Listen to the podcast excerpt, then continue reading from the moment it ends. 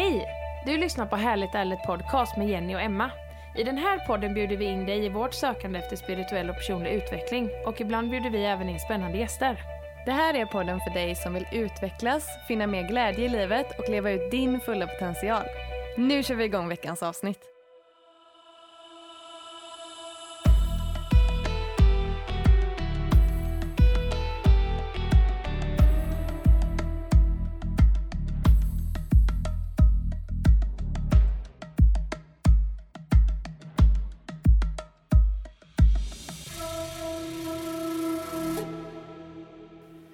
Drömmer du om att få ge dig iväg i ett hus på jul och få känna friheten att kunna ta dig var du vill?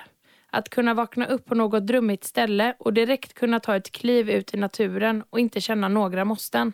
I denna veckans poddavsnitt är vi sponsrade av Vincents husbil och husvagn i Varberg som säljer kvalitetssäkrade, begagnade husbilar och husvagnar. De har ett välfyllt lager med allt ifrån mindre plåtisar till större fritidsfordon och alla fordon får gå igenom omfattande tester, service och leveranstvätt innan de levereras. Vincents har smidiga finansierings och inbyteslösningar och dessutom får du med dig en filmad genomgång av fordonet vid köp. Så om du är nybörjare så behöver du inte känna Shit, jag vet inte vad jag ska göra med gasolen eller värmesystemet. Hur använder jag det här? Utan filmen visar allt väsentligt som du behöver veta för att du ska kunna använda din nya pärla direkt. Det ingår alltid sex månaders garanti så du gör verkligen ett tryggt och säkert köp. Och när du sedan vill byta fordon så kan du ju använda dig av Vincents igen och byta upp dig. Eller när du känner att det är dags att sälja så finns Vincents där och hjälper dig med allt med pappershantering, annonsering, ägarbyten med mera. De finns med dig hela vägen helt enkelt. Känner du att du vill göra din dröm till verklighet så tycker vi verkligen att du ska kolla in Vincents husbil och husvagn i Varberg. De finns på www.vincents.se. Vi vill inspirera till att bara för att sommaren tar slut så behöver inte upplevelserna göra det. Med en husbil eller husvagn kan du fortsätta upptäcka även nu på hösten. Och det ska vi göra nu till helgen. Vi ska ut och höstkampa med en husbil från Vincents. Och vill ni se deras utbud går ni alltså in på www.vincents.se. Tack Vincents husbil och husvagn för att ni sponsrar veckans avsnitt.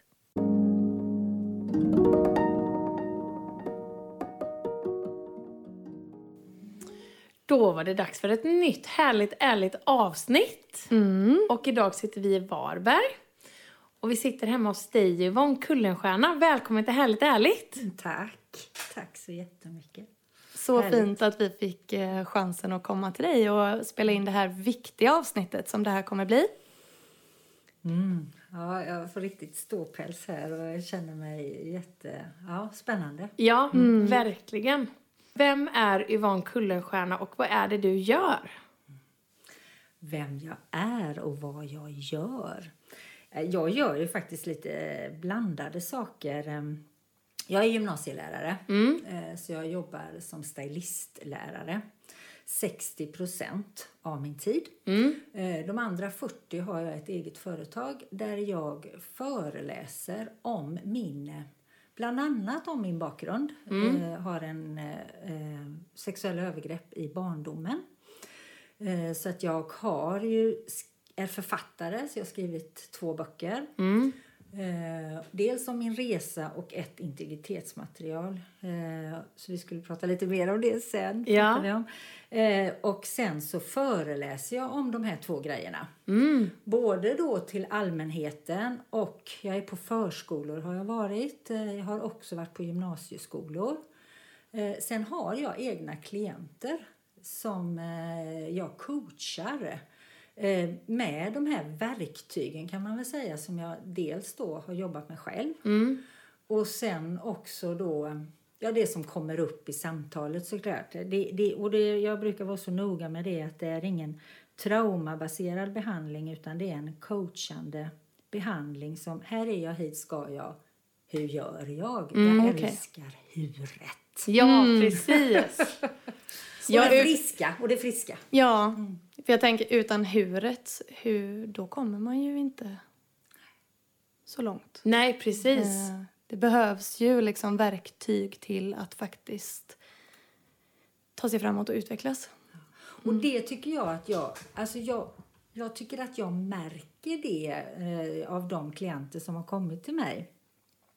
att just eh, man kanske har gått på, på, på terapi och på olika saker men, men så händer de där triggerserna eller vad det nu För jag har mest klienter som eh, har en bakgrund av sexuella övergrepp men även i sorgterapi, att man har någon form av sorg och så. Mm. Men, men i alla fall, då, då är det just det här att man saknar eh, vad händer när den där klumpen i magen kommer? Att ett sånt där konkret verktyg. Mm. Mm. Precis. Man kanske har flera innan men, men, men det är ändå, man har inte gått över riktigt på det där äh, trappsteg eller upp till det där trappsteget. Mm. Precis. Du berättade ju att du blev utsatt för sexuella övergrepp. Mm. Eh, vad hände med dig när rätten till din kropp togs ifrån dig? Mm. Ja, vad händer när rätten att säga nej, viljan att välja, för viljan är ju människans ja, men det är personliga utveckling. Så att det var ju många, alltså jag var ju en, en, eh, det fanns en väldigt introvert sida av mig men det fanns också en stor clown och duktig flicka i mig mm. som eh, jag var nog rätt ensam. och det var inte, Jag var aldrig mobbad och jag var aldrig retad. Det var aldrig något sånt. Men det blev nog en lite mer vald ensamhet, tror jag. Mm. Eh, eh, ensamhet eh, som jag egentligen har levt hela mitt liv.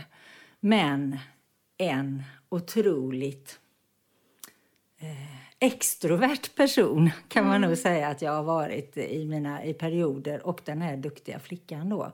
Så att det har ju blivit många olika beteende mm. som har varit allt för ja, destruktivt kan man väl säga för det blir ju det när um, när valen inte alltid blir så bra. Nej. Eh, utan jag väljer ut efter mina känslor. Mm. För att jag menar hur, när känslorna blir, tar kommandot för hur den är så känslor är ju bara en del av mig.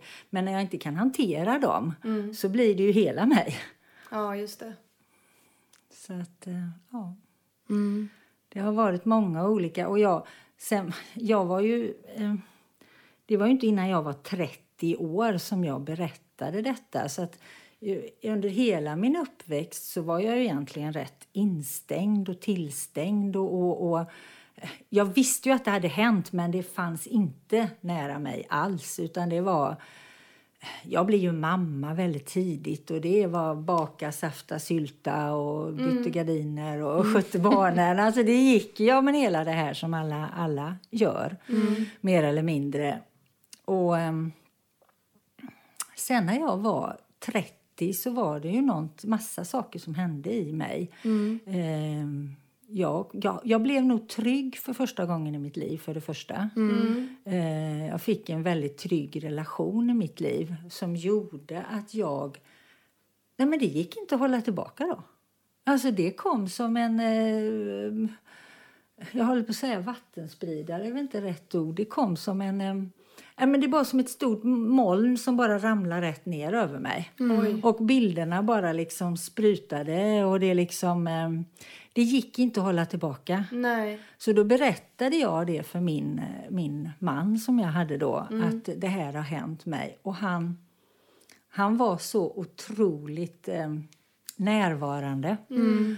Och vi löser det här.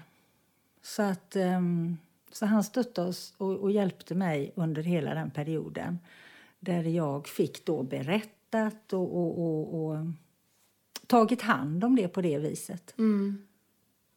Så, att... så otroligt viktigt att ha någon i en sån situation mm. och kunna mm. luta sig emot. Mm. Det måste ju varit otroligt tufft att liksom, mm. som du säger, att allting bara kom över dig. Ja, ja. Efter så många år också, då mm. blir det ju verkligen... Liksom. Mm. Jo, men alltså grejen är ju att det blev det blev ju verkligen som en, en, en bomb i mitt liv. Och jag, jag vet, alltså, den här extroverta clowntjejen då, mm. som duktiga flickan, hon blev ju helt, hon blev helt introvert. Ja. Och helt tyst. Och en del sa till mig att vad härligt Yvonne, alltså, vad har hänt? Du har landat. Eller ja, mm. andra undrar om det var något fel på mig. Ja. Och jag kan förstå det. Mm. För det var verkligen, det var verkligen som att vända på en hand. Mm. Um, och och, och det, det har jag väl liksom duktiga flickan, håller jag på att säga, den jobbar jag väl fortfarande med. Men den här otroligt extroverta personen som, som, eh, som egentligen skrek för att hon inte mådde bra. Eh, hon, hon finns fort- fortfarande, men hon eh, kommer ju fram på ett helt annat sätt. För att jag började ju min terapi då kan man väl säga när jag var 30. Och den fortsätter ju än idag. Fast det kallas inte för terapi idag. Idag är det personlig utveckling. Precis. Och det är ju så verkligen med personlig utveckling att det, det är ju ingenting som man gör. Nu, jag gjorde personlig utveckling i två år och nu är jag färdig. Nej, Utan det är ju ett ständigt arbete med sig själv. Så är det ju. Och jag vill bara säga det att jag kan verkligen relatera Ja. till det här eh, extroverta eh, och clowniga. För jag, när du pratar om det så känner jag att åh, det hade kunnat vara mig du pratar om. Och det är, har jag ju lärt mig också nu i vuxen ålder att det är ju ett, eh, det är ett skydd. Faktiskt. Ja. För att dölja egentligen sina riktiga känslor, alltså sina äkta känslor har det varit för mig i alla fall. Det är ju, det, det är ju del. Jag, bruk, jag brukar, när jag är ute och föreläser så pratar jag ibland om delpersonligheter. Ja, just det. Och jag tänker, man, man brukar ju säga att vi har ungefär en sex delpersonligheter. Jag menar, du är en på jobbet och så Ja. är du en med dina barn och så är du eh, ja, någon annan med vännerna och Ja. part, partypinglar när hon kommer fram. Men när vi har våran ryggsäck, Mm. och det behöver ju inte vara sexuella övergrepp, för det är ju liksom vad som helst tänker jag. Ja. När vi har våran ryggsäck så skaffar vi oss överlevnadsstrategier som blir till viss del delpersonligheter. Då. Ja. Ehm, och i perioder så tar ju de här delpersonligheterna över oss. Alltså då är jag inte i jaget. Alltså det är ju inte, det är ju inte jag, Nej. utan det är ju en del av mig. Ja, Precis. Och, och, och- målet är väl att jag ska vara min egna dirigent. Och så, så tar jag fram den här eh, pekpinnen och så tycker jag, ja men den här extroverta hon är ju jäkligt med att ta med. Ta med. Och så viftar jag med, med eh, Ja. taktpinnen och så kom han nu för nu så jäklar så behöver vi lite kraft här i det här samtalet. Och då liksom, och inte man tar över hela festen. Nej, Alltså, precis. Men kanske den perioden eller den stunden. Ja. eller- Det tycker jag är så härligt när jag fick lära mig det. Ja, och det är väldigt en härlig vetskap att veta att man har. Jag tänker Jenny att du och jag, vi jobbar rätt mycket med de där delpersonligheterna ändå. Hur menar du då? Nej men jag tänker så här, för jag menar vi kan ju ändå ha lite pendlande humör. Ja. Vi, alltså vi lever ju ändå, ja alltså utefter våran cykel så att säga. Det är ju verkligen highs and lows. Yes. Jo men så är det ju. Och jag menar vi kan ju också ge oss ut och podda ibland. Ja. Och träffa gäster och ibland kan vi känna bara att vi är skitnervösa. Eller så här ibland när man vaknar på morgonen känner man men hur ska jag klara det här? Det känns helt omöjligt. Men det är det som att vi plockar fram något i oss. För vi, jag menar det är ju ingenting som vi inte löser. Nej, precis. Nej, visst är det så. Ja. Det är också skönt att tänka på sig själv utifrån de här delpersonligheterna just för att man också när man mår dåligt så kan det bli att man slukas helt och hållet av hur man känner sig just då. Men att man då på något sätt kanske kan påminna sig om att men det är inte hela jag. Nej, det här precis. är inte jag alltid. Jag är så mycket olika saker. Mm. Eh, och det kommer gå över. Och det kommer skifta och det kommer komma tillbaka. Och det... Men det var ju så det blev för mig, alltså innan jag lärde mig hur allting fungerar eller började ta hand om mina känslor. Så tog, jag hade ju en offerkofta som jag kallar det. Det har jag skrivit om i min bok också. Att liksom den här offerkoftan, alltså när jag blev triggad som jag inte visste att jag hade blivit eller, eller deprimerad för någonting så gick jag ju in i det här introverta och jag liksom gick här med mysbyxorna, kom inte utanför dörren, tog med mig det när jag gick ut och så var jag lite tyst och låg och, och, och, liksom den extroverta var ju, fanns ju 20 mil bort. Ehm, och så när jag gick då på min terapi så säger hon till mig, hur länge ska du ha på dig den här då? Vadå? Och jag tänkte, du vet, fattar ingenting. För du kan välja det, sa hon. Vad då välja? Ja, men alltså hur länge du vill ha på dig offerkoftan. Ja, ja, tänkte jag. Säger hon så så kanske det finns en möjlighet. Jag måste ju prova. Ja. Ja. Men jag tänkte hon är ju helt knäpp. Ja. Det kan ju inte funka. Nej, För jag menar, jag hade ju varit, eh, haft på mig den här offerkoftan i, i över 30 år. Mm. Jag var ju 38 typ då. Ja, så då så, så sa hon, har du en joggingdress hemma som du bara kan liksom slit och släng? Och du får bara ta på dig den när du är introvert. Eller när, när den här eh, sorgen kommer, eller depressionen, eller det låga. Ja. Okej. Så när jag gick därifrån så var jag inte låg. Nej. så jag tänkte okej. okej, men, men den kom ju då helt plötsligt. Mm. Så jag tänkte jaha, jag får väl prova nu. På med den här joggingdressen, för jag hade en joggingdress. Mm. Så på med den. Och så tänkte jag, då, jag kunde ju välja. Så nu ska jag välja att ligga hela helgen här och bara titta på film och ha på mig den. Eller så gjorde jag så nu ska jag bara ligga för nu jobbar jag eftermiddag så jag ska ligga på förmiddagen. Jag tänker inte göra någonting, jag ska bara ligga och tycka synd om mig på förmiddagen.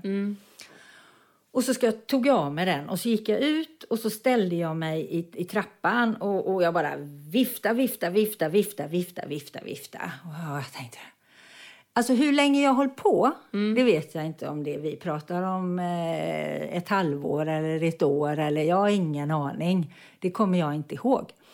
Men en dag så kunde jag vifta bort det. Och grejen var att jag inte, nu, nu, nu, nu vill jag bara säga att jag viftade inte bort det och tryckte undan det.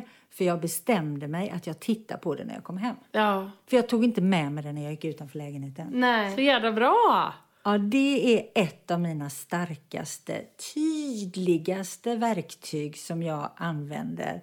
Som jag också försöker lära mina elever och de tittar lite med ögonbrynet och tycker att jag är lite konstig. Men det funkar. Ja, men alltså jag kom på en grej nu. Alltså en PMS-tröja. Eller hur? Den tar man av sig när, när det är över. Precis. Eller liksom en sån här, ja en jädra, en tröja man tar på sig när man är låg. Ja. Jo, men sen Jenny, grejen är, ja, men det kanske inte alltid är rätt att ta på, ha på sig den hela tiden när familjen kommer hem. Eller man ska gå eh, till jobbet. Man kanske, okej, jag vet att jag har den här jädra PMSen nu. Jag har på mig tröjan. Men usch, nu kommer ungarna hem eller nu kommer gubben hem. Eller okej, jag får ta av mig den. Jag får skärpa mig en stund. Jag kan ta på mig den sen när jag har lagt barnen. Eller mm, jag går och sätter mig vid skrivbordet. Eller, förstår du? Ja, alltså ja, ja. välja. Precis. Bli medveten om att jag är fruktansvärt frustrerad, irriterad nu för PMSen har jag som tur inte längre. Nej. Men jag vet, den var hemsk. Ja. Men, men, men liksom, om man kan styra det, hade jag vetat det. Den Ja. var ju smart. Men förstår du vad jag menar? Ja. Att kraften ändå, att man har kraften själv. Ja. Att, det är, att det är du som väljer när Ja. den är på och av. Ja. Och det In, tror- Inte att man ska ha på sig den hela tiden och fastna i den och glida runt i den som Nu har jag PMS i tre dagar och det Nej, är precis. tillåtet. Nej, exakt. Men där, för det var ju någonting också där som, för, som, vi, som jag sa till dig idag Jenny, att liksom, om man är hemma en dag och man vet att idag har jag ingenting på agendan och idag känner jag mig låg. Då är det som att man tillåter sig typ mer att vara låg. Ja. Att det blir så här mer att det är jävligt svårt att rycka upp sig då. Ja. Men vet man om att okej, nu ska jag göra mig i ordning, nu ska jag åka iväg och nu måste jag bara liksom samla ihop mig. Då är det som att man lyckas göra det. Det är ju också ett val man gör. För man kan ju också välja att inte ta, ta steget utanför dörren. Nej, precis. Att stanna hemma. Ja. Men det kan också vara en sån svår balansgång tänker jag. Att, för det, kan, det ska ju inte heller bara gå över att man förnekar sina känslor. Nej. Man måste ju få känna också. Mm. Men det kanske är att man inte ska fastna i det. det är Ja men, det. ja, men det är ju det jag menar. Samtidigt som jag menar om man nu har... Alltså det är ju våra nära och kära egentligen. För det är kanske till och med våra nära och kära på jobbet. Alltså de vi känner mest. Alltså har jag nu PMS, eller som jag då var väldigt introvert. Det var säkert i sam, hade säkert med PMS att göra också. Men då när jag mådde som sämst Ja. så ehm, ehm, ehm, då var det ju liksom att, att verkligen att jag på något vis har jag ska vara det, men jag behöver inte, jag behöver inte vara det mot dig. Nej. Det är bara för att du är min nära och kära så ska du få skiten bara för att jag råkar vara irriterad nu. Utan då kanske jag liksom... Jag har PMS nu, jag är frustrerad, jag är låg, bara så du vet Ja, det, men precis. Men, men, men, men att jag ändå, ändå att jag väljer då att inte lägga över det. Det är Nej. lite mer så jag tänker. ja, precis. Inte att vi inte ska ta hand om dem. Nej. Och sen, det, där tänk, fick mig att tänka på en väldigt viktig grej. Just det du säger där, att prata om det. Alltså, tänk så många ändå, jag tänker så här, lärare man har haft som ändå har varit lite så småsura. Och människor man möter ute, och klart man kanske inte säger det till någon man möter på ICA, bara, ja ah, men du, ehm, ja PMS idag, kanske man inte riktigt säger. Men jag tänker bara att faktiskt, att bara prata om det kan ju många gånger få den andra människan att tänka att, ah tack, att Ja. det ger ett förtroende med. Att bara, shit hon hade nu det förtroendet att säga detta till mig. Vad fint. Ja, Och så har man mer förståelse och det är skönt att få ur sig det. Fast det har jag faktiskt blivit rätt bra på Ja. genom åren. Eh, idag, jag gjorde ju inte det. Jag har ju varit lärare nu i 18 år. Det gjorde jag ju inte till mina elever i början. Nej. Eh, jag kom och hade en dålig dag. Alltså jag var ju inge, jag var inte bästa versionen av mig då. Nej. Det fanns ju inte. Idag om jag har sovit dåligt eller något så säger jag till mina elever. Jag vill bara att ni ska veta. Jag har sovit jättedåligt idag. Eh, jag har väldigt så lite hjärntrött. Jag är fru, lite för lätt frustrerad.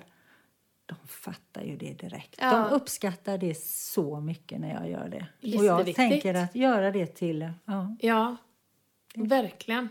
Fint. Superviktigt.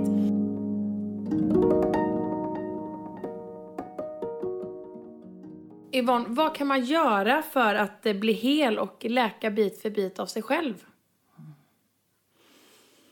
Alltså det är ju en jättestor fråga. Ja. Hur, lång tid har vi på oss?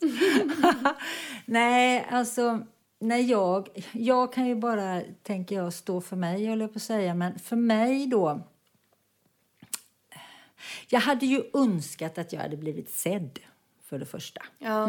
När jag tog kontakt med vården, eh, och då vet jag att jag ringde till eh, vuxenpsyk och så sa jag så här att jag har öppnat Pandoras box och kommit fram till att jag har sexuella övergrepp liksom, i många år av min barndom. Och jag behöver någon som kan förstå det. Ta någon som liksom jag slipper att åka fram och tillbaka. Alltså nu är ju detta 30 år sedan. Det var ju ingen som förstod det. Och jag hade ju önskat att, att de hade sagt till mig att jag kanske inte kan, men vi kanske kan guida och vägleda dig. Och jag tror att överhuvudtaget att man vågar se och vågar fråga. Men i alla fall, min andliga resa började ju då. Då, då. då lärde jag mig meditera, jag gick på massage, jag gick på healing för att liksom få kontakt med min kropp och mina känslor. För det, någonstans så tänkte jag, vad ska jag göra nu då när hela det här är öppet? Så att jag tror, för grejen är ju, har man blivit utsatt för sexuella övergrepp så är vi specialister på att stänga av. Eller vi är inte specialister, det är en automatisk eh, grej som sker i hjärnan. Kamp och flyktsystemet sätter igång, du stänger av, dissocierar och liksom försvinner. Så att många av oss har ju ingen riktig kroppskännedom heller. Att liksom verkligen förstå det här med kropp, kropp tanke och känsla Ja. tänker jag. Så att sen då har jag stegvis varit nyfiken, för jag är nog otroligt nyfiken som person. Och jag är väldigt så här, ja men nu känner jag någonting, nu händer någonting i mig, hur ska jag ta hand om det? Jag är, det har jag nog gjort ända sedan jag började då i 30-årsåldern, att, att söka olika, olika hjälpmedel. Så Just att, eh, ja. Att inte ge sig, tänker jag. För att jag menar, jag menar vi, vi lär oss att köra bil. Alltså vi, vad är det idag? Idag är det väl över 20 gånger man går i körskolan och, och man ska kunna allting om bilen. Vad är skillnad med mig själv? Vad är, det som, alltså, vad är det som gör att inte jag kanske vill lära känna hela mig? Det har varit jätteviktigt för mig att göra det. Och jag kommer nog aldrig att sluta. Jag älskar Maslows behovstrappa. Alltså först här nere att se till att de här eh, jag menar att mina grundläggande behov med mat och kost och hälsa och jag vill upp till självförverkligande sista trappsteget och, och där är jag och nosar många gånger idag. Absolut. Men jag åker ju ner igen då men ja, det är mitt mål. Att lära Härligt. känna hela mig. Ah, Vad fint. Verkligen. Vad vill du säga till dem som lyssnar som kanske också har varit utsatta för övergrepp eller känner någon? Alltså, för det första så tänker jag att man ska ta det i sin egna takt. Ehm, för det har jag ju fått lära mig. Alltså jag, när jag började min resa så, så, så fanns ju som sagt var inte riktigt den där kunskapen. Så att jag har ju fått gå någon form av egen resa. Och jag har ju lärt mig på vägen att det är att ta det i sin egna takt. Ja. Eh, ja, och sen framförallt prata med någon som man litar på. Som man, man känner sig trygg med. För det är lite grann sådär... eh, Ja, men man berättar det för någon och så är det någon som säger att jaha, ja ja. Alltså jaha, det, ja men det kanske inte var så farligt. Eller, eller var, var, var det bara så? Eller vad man, man, man får såna här konstiga svar. Eller, eh, det, alltså det stänger ju av direkt. Ja. Så att jag tänker bara, prata med någon som du litar på. Och hittar du inte någon, så, då funkar det inte första så ta en till. Alltså till du hittar. Ge det inte, för det är aldrig ditt fel. Skulden och skammen är våran, eh, vårat ok. Eh, för det, förövaren la ju på oss det. Om, jag, om du berättar får du både stryk och, och allt vad det Och det är våran hemlighet. Så att den är så inplanterad i våran, vårat cellminne. Så att vi, vi, det finns ju nästan inte på kartan att man berättar. Nej. Eller att man, att man tror... Och man tror ju att det är ens egna fel. För det värsta är ju att... Det värsta är ju att under såna här akter så kan det ju också finnas en tillfredsställelse även i ett barn. Och det ger ju ännu mera skuld och skam. Att man faktiskt kanske tyckte att det var skönt. Blir man tillfredsställd... Alltså det finns ju fruktansvärda övergrepp som är eh, rent grova. Nu, nu pratar inte jag om det, utan det finns ju tillfällen också där barn blir tillfredsställda. Och det blir ju också en större skuld och skam i det. Att man, man som vuxen då tar hand om den här lilla flickan eller pojken. Just det. Det tror jag är nummer, alltså det har väl varit nummer ett för mig egentligen också. Dels då att jag får ta hand om delpersonligheterna, beteendena, men framför allt lilla Yvonne som var fem år som blev utsatt. Ehm, hon eh, har jag ju haft som en metafor med en docka. Att alltid krama mig själv. Jag tog fram bilder på mig själv. så att Ta hand om den flickan, pojken som var utsatt. Fint. Verkligen. Och vad finns det för hjälp att få där? Vart ska man vända sig? Vad är liksom första steget när man har pratat med någon? Men vart ska man sen för att få liksom riktig hjälp?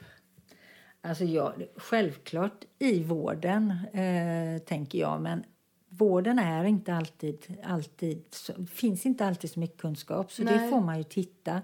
Men jag har ju varit med i RISE, är ju en förening. Det är ju RISA, det kan man ju googla på. Och sen eh, som är för utsatta män och kvinnor, vuxna, 18 år. Eh, Där kan man ju guidas och tipsas vidare. Det finns ju också en, en, en, en vårdmottagning, Vonsa heter den i Stockholm.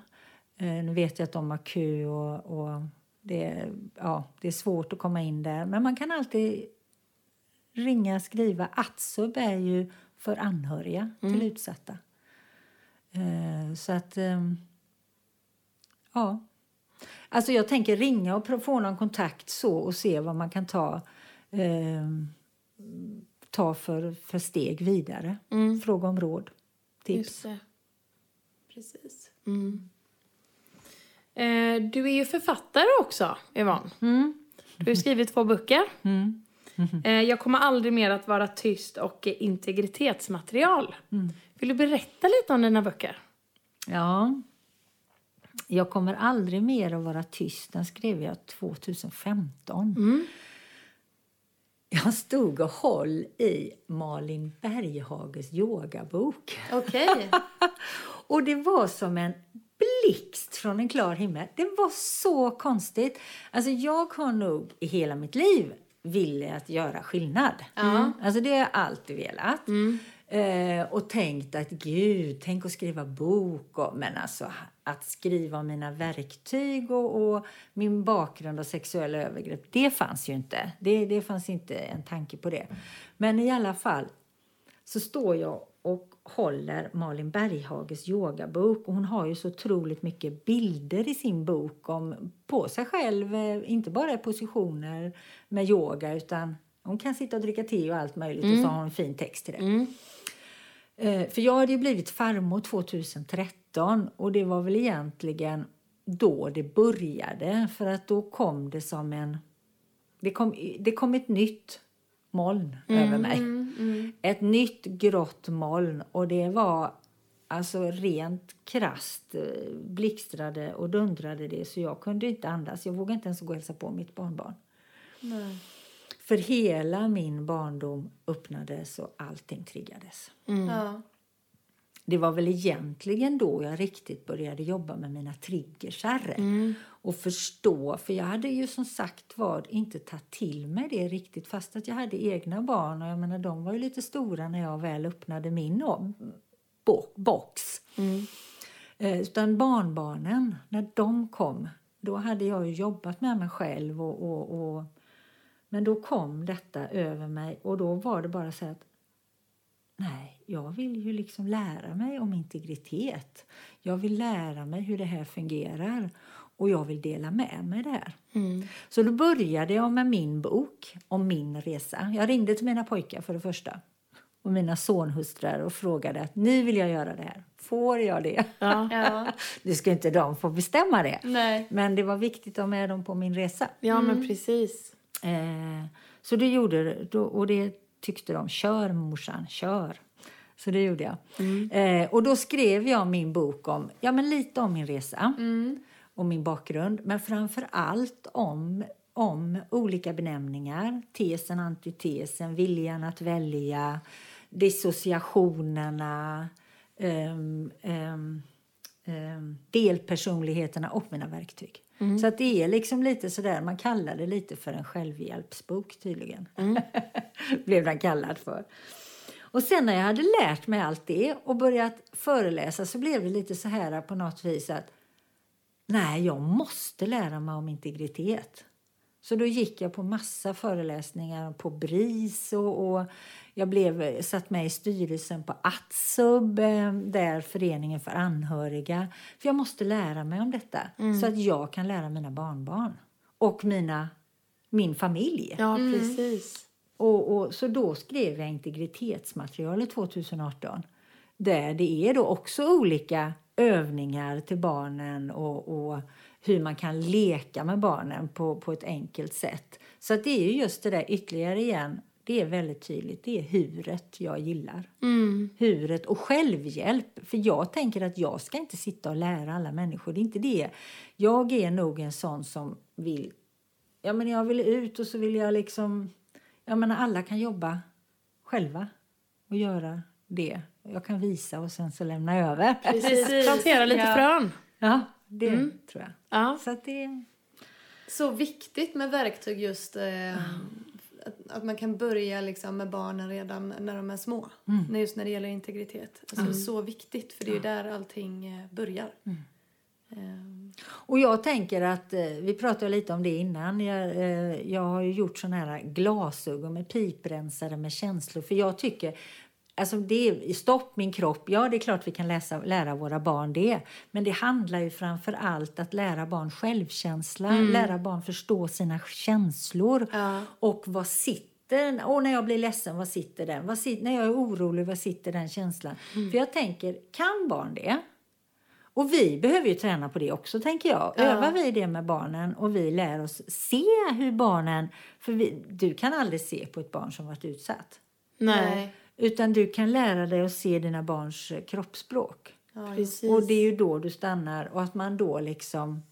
Och då, då kanske barn vågar berätta, mm. tänker jag. Det är i alla fall ett steg på vägen. Alltså, vi, eh, man kan inte, vad heter det, både livrem och, och hängsler och allting. Det, det tror jag inte alls att man alltid kan, men man kan, man kan göra en resa på vägen till både kunskap och, och, och trygghet. Ja, Mm. verkligen. Så viktigt. Ja, det är jätteviktigt att fånga upp dem när de redan är små. Jag tänker bara så här, hur, hur är det att föreläsa på en förskola? Eh, nej men det är faktiskt jätte, det är så fantastiskt med människor som, vi, som jobbar med barn. Eh, för jag gör ju inte det med barnen utan jag gör det med de vuxna. Ja, okej. Då är jag med. Mm. Nej, men det är nog inte min grej. Nej. Alltså jag är, nej, det har jag funderat jättemycket på. Ja. Men jag vill nog, precis som du sa igen innan, så frö. Ja. Ja. Jag vill så frö och sen så vill jag bara eh, lämna över det och så får andra ta hand om det. Jag tror inte jag har tålamod till att se. Jag tycker det räcker med mina barn. Ja. Det är jättebra. Det är helt fantastiskt att man ändå... Ja, att man alltså, skickar iväg sina anställda på en förskola på faktiskt föreläsningar så att de också utvecklas. Ja. För jag tänker att visst att man då går sina tre år eller vad man gör och läser till, till förskolepedagog. Men jag tror ändå att där, även där behöver underhållas. Man bör, det kan inte bara stoppa. Det är precis som och- personlig utveckling. Ja, det är ja, men det, ständigt ja. jobb. Mm, Ja. Och där är det ju, för då har jag ju läst på lite mer om, eh, jag har, varje förskola jag har gått till så har jag läst deras likabehandlingsplan så att jag kan ge tips och råd. För det har jag sett, både skolor och förskolor och arbetsplatser så är det väldigt få som skriver sexuella övergrepp. Man skriver kränkande behandling. Ja, men du är dum i huvudet. Ja, det är en kränkande behandling, men det är ju en jätteskillnad om jag tar det på rumpan. Ja, Ja. Alltså var, varför? Ja, ja. Jag blir Ja. bara... Använd orden. Vi måste använda rätt benämningar så vi får rätt förstå. Alltså, Ja, annars så- precis. Och sen tänker jag också att det blir tydligt när vi har en röd tråd. Mm. Vi berättar på alla arbetsplatser att vi gör precis det här och vi, vi, vi har ständiga samtal. Vi pratar om det på APT. Vi, alla inskolningar. Jag tror att ju mindre både pedofiler och övergrepp får vi på en sån arbetsplats. Mm. För att man vet att vi har koll. Precis. Det är, mitt, det är min Ja. önskan. Ja. Ja, att man ska våga prata om det, för det pratade vi om innan med. Det känns som att man så här, jag vet inte, tassar runt det lite. Ja. Man vill inte säga just de orden. Nej. Det är, man vill, ja, nej, det, är, det är svårt. Det är, det är svårt. För man vill inte heller säga fel sak. Man vill inte trigga. Man vill inte, Nej. Eller sådär. Men som sagt, det blir ju inte bättre av att man bara sopar allting under mattan. Så vi måste ju verkligen prata om de här grejerna. Mm. Eh, Och det tror jag handlar ju om att vi är uppväxta, att man inte gör det. precis. Ja.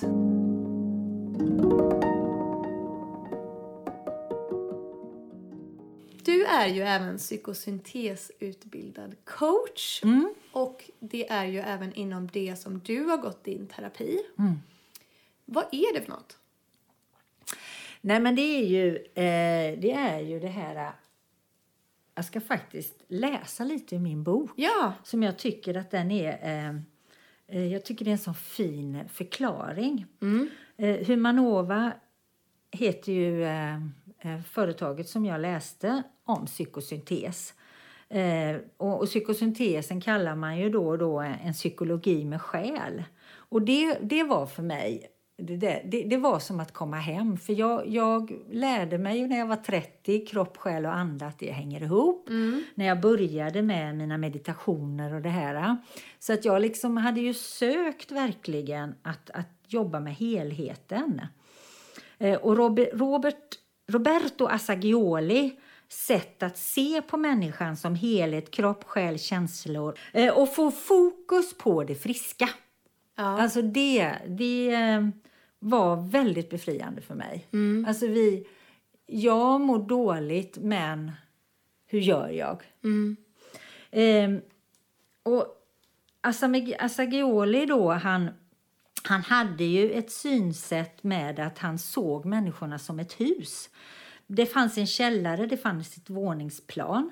Men i hans hus så fanns det också eh, eh, hans hus fanns det också mellanvåning, övervåning och soltak och så fanns det en hiss. Och just där att kunna, nej men nu vill jag ner i källaren och rota lite. Jag vill ner där och gräva upp för nu har jag någon triggers eller var fasen kommer den ifrån? Eh, ja, idag gör jag ju alltid så om jag känner att det är lilla Yvonne fem år. Eh, I början så var det ju alltid hon som var triggad i Ja. allting jag eh, påmindes om. Idag är det ju lika mycket vuxna Yvonne som blev irriterad, frustrerad eller inte kunde hantera sina känslor. Så att, så att flytta mellan våningarna eh, Alltså det är ett jättefint verktyg och det gillar jag med psykosyntesen. Och det är det jag lär, lär ut idag som, som coach då, att, att se var det kommer ifrån. Plocka upp det i din vardag. Eh, är det existentiellt så att du kan se att det är någonting mer eller att jag kan inte påverka det men jag kan påverka det jag gör i vardag. Alltså, allting kan vi ju inte påverka. Nej. Fast att vi... Eller påverka. Vi kanske ska acceptera. Ja, Vi säger så istället. Och det där kan vara så svårt att urskilja när man ska göra det och när man kan påverka. Ja, jag. verkligen. Var, där kan man ju känna sig helt vilsen, kan jag känna. Mm. Men gud, ska jag bara ska jag jobba med det här nu eller ska jag bara acceptera det? Men det, det lär man sig kanske. Då Nej, men alltså, man- jag kommer ju alltid ha en flicka på fem år som förövades hela sin barndom till hon var 14 år. Alltså Ja. där hon inte fick rätten att välja, inte rätten till sin kropp. Alltså det kommer förfölja mig hela mitt liv. Mm. Alltså jag måste acceptera det om inte det ska ta över mitt liv. Alltså lite mer så Mm. Ja, tänk, är det Ja. för mig i alla fall. Ja. Och det tycker jag också är viktigt. Alltså det gör jag ju när jag har mina klienter att så här är det för mig. Men oftast när jag berättar då min historia, lite som du sa Emma innan, så kan man associera eller ja, man kan liksom, ja okej, och så ser man sin egna historia. Ehm, och det är därför jag skriver som i boken att det är för överlevare och några till. För att jag menar, man har inte behövt, man behöver inte vara sexuellt utnyttjad för att använda offerkoftan till exempel. nej precis. Eh, För att använda psykosyntes, eh, psykosyntescoachning kan man komma med alla typer utav av problem. ja, ja, alltså jag har ju då mest jag har ju mest haft eh, klienter som har en bakgrund av sexuella övergrepp som har gått på terapi tidigare. Men psykosyntesen, den, går ju, den är ju en vanlig eh, eh, vad heter det, Livs, livscoach eller man kan väl kalla Ja, okej. sig vad man vill egentligen. Det blev bara, det var faktiskt en kompis till mig som jag, jag skickade alla mina klienter till henne. För hon är utbildad psykosyntesterapeut. Jag är utbildad psykosyntescoach. Så tänkte jag, de behöver terapi. Ja. Så tittade hon på mig. Men Yvonne, alltså ska inte du ta hand om de här själv? Ja. Klarar jag det? Klart att du kan! Ja. Så så blev det. Ja. Mm, så det har blivit. Och sen har, är jag ju sorgterapeut också. Så att, eh, jag, alltså jag blandar nog lite grann. Försöker verkligen känna vad som finns i rummet. Och vad behöver man?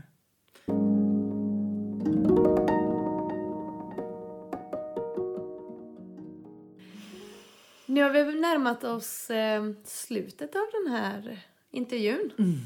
Nu har vi kommit till de två sista frågorna. Eh, och de ställer vi alltid till våra gäster. Så den första är om du fick lov att göra en enda sak för resten av ditt liv, vad skulle det vara? Då får jag sån här... Vad heter det? Alla håren ställer sig på hela kroppen. Nej, men då vill jag ju, jag vill ju ut och...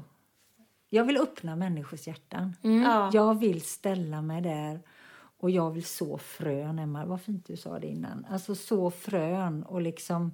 Mitt mål är ju att ha massa människor runt omkring mig som, som kan hjälpa till. Alltså fånga upp. Och, ja, men den terapin är bra, den massagen är bra, den behandlingen är bra. Alltså, jag vill föreläsa. Ja. Härligt.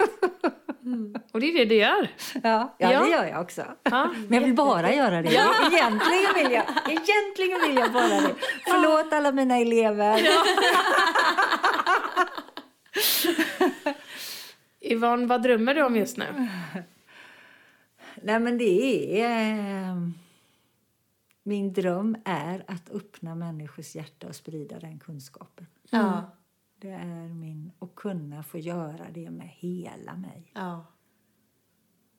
Vilken vacker dröm. Mm, verkligen. Och den drömmen, den fick jag 2003. Den var så tydlig när jag började på Humanova. Ja. Jag har ritat en teckning. Det är liksom en väg rakt fram, ett stort hjärta och så står jag upp med armarna i taket. Åh, jag nu ryser. Jag jag. också till när du sa det. Jättefint. Det gick bara som en, ja, Och då är det sanningsrys, Yes. så då är det sant. Mm. så är det det, det det gör. Precis. Ja, Mm, men, men jag ska bara göra det. det Ja. Ja, Nej, men så, det är fint. verkligen. jättefint Yvonne. Tack så hemskt, hemskt mycket för att du ville vara med i ett härligt, ärligt avsnitt. Tack. Det var en ära att få ha dig med och ett så viktigt samtal som eh, kommer nå väldigt många och göra stor skillnad. Så tack så jättemycket. Tack. Och ehm, om de som lyssnar vill komma i kontakt med dig, hur gör de då? Alltså jag heter ju som sagt var Yvonne Kullenstierna. Så att jag finns ju både på Instagram och eh, Facebook och jag har en hemsida. Men det är ju som man säger info snabela yvonnekullenstierna.se Mm. eh, eh, i ett ord. Toppen. Så kan man nog med. Tack. Tack. Och stort tack till dig som har lyssnat. Du vet att du finner oss som vanligt på Harligt Arligt Podcast. Och vi skulle bli jätteglada om du vill ge oss fem stjärnor då du där du lyssnar. Så får vi önska dig en underbar vecka så hörs vi om en vecka igen. Det gör vi godingar. Ha det fint. Hej då! Hej då!